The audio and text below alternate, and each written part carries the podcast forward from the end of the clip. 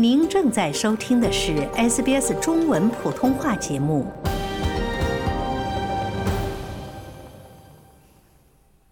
农历新年之际，墨尔本市中心上演了一幕不同寻常的文化交融场景。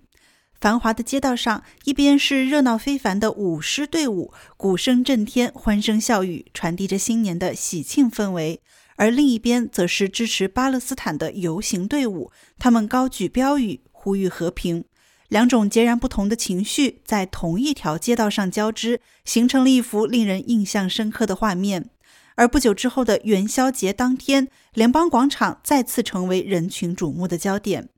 今年的元宵节是二月二十四日，但这一天同样也是俄乌战争两周年纪念日。在墨尔本联邦广场上，数百人聚集在此，高举乌克兰旗帜，呼吁和平，结束战争。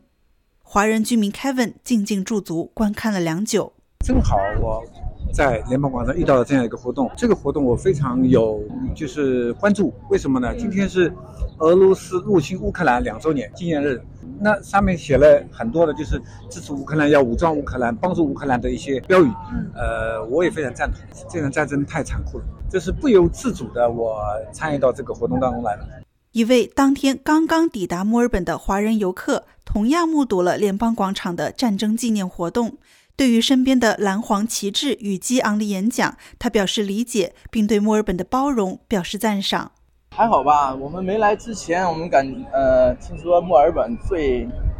代表性的两个一个词就是包容嘛。对，就说大家有什么都可以自己说呀，大家愿意做什么事情，在不影响别人的。时候都可以去做嘛，这样很好。而在两周之前的二月十一日大年初二，在墨尔本工作生活近五年的华人 Leo 在社交平台上发布了自己拍摄的一段视频。视频当中显示，墨尔本唐人街的舞狮表演被在场的群众围得水泄不通，锣鼓喧天的同时还燃放了鞭炮。而就在附近的街道中央，支持巴勒斯坦的游行同样声势浩大，人们高喊着口号，缓慢行进。视频下有网友回复称，一边说新年爆竹，一边说一个国家的炮火，冰火两重天，人类的悲喜并不相通。Leo 接受 SBS 普通话采访表示：“对我当时就是先就是挤到唐人街的人群里面拍了一些视频，然后我当时也没有想着有游行，我挤出来以后呢，我就听见哎，隔壁就是很多人就往那个 Brook Street 那边走。”然后我就跟着人潮，我还以为那边也有活动，结果走过去以后，我就发现刚好那些游行的队伍刚好走到 Brook Street 的那个十字路口。然后我看到这边以后，我就突然感觉 OK，啊，我们唐人街这边是这种，啊，就是这种喜气洋洋，大家欢度呃农历春节的活动啊，然后彰显的就是感觉国泰民安，然后每个人都非常开心的这种啊景象。但是呃，看到那些就是为战争而去游行的人。呃，他们就是那种为保卫自己的家园而发声，为自己这种饱受战争苦难的家人而去发声的感觉，我就突然给我感觉这种有一种特别强烈的反差感。两边当然是有一些交汇的地方的，那交汇的时候，就我作为一个观众，我就会感觉哇，真的反差感特别的强。呃，一边开心，一边就是感觉有一些悲伤跟愤怒在里面。在这种反差感中，我其实也看到了，呃，墨尔本作为一个这样国际化的一个移民城市。这种超强的包容性，确实是给所有人都有一种机会去表达自己的心声。呃，就像我们一边是这种华人和亚洲人在欢度春节，那一边又是他们的抗议游行。啊，我觉得这两个事情竟然可以在同一个时间、同一个区域内同时发生，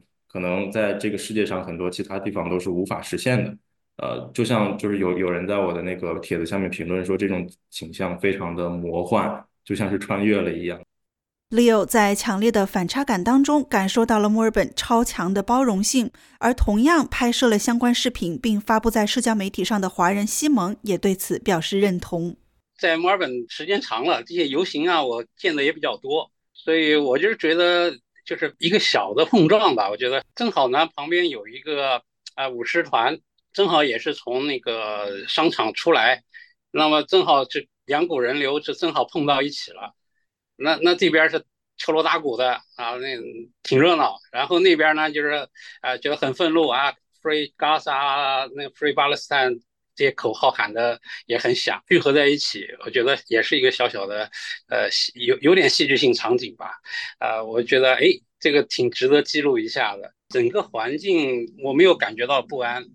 因为我们这边肯定是比较高兴的，开开心心的。巴勒斯坦那边的游行呢，呃，我觉得他们也是比较平和的，其实还是比较平和的。呃，大家都是举着小旗子啊，啊，表达自己的意见。我倒是没有觉得有任何不安的地方，每个人都可以有不同的政治观点，都没有问题啊，这是和平的表达。呃，你即使跟政府的意见有所不同的时候，啊，那你可以采取合法的那种游行来表达自己的不同的观点。比如说这个巴勒斯坦的这个游行也是，它它已经持续了这么久了。在这个自由的国家里面，我觉得言论自由是一个很重要的环节。所以多元文化的氛围也好，多元观点的表达也好，啊，它是有充分的空间的。我觉得挺好。喜欢、分享、评论，欢迎您在 Facebook 上关注 SBS 普通话页面。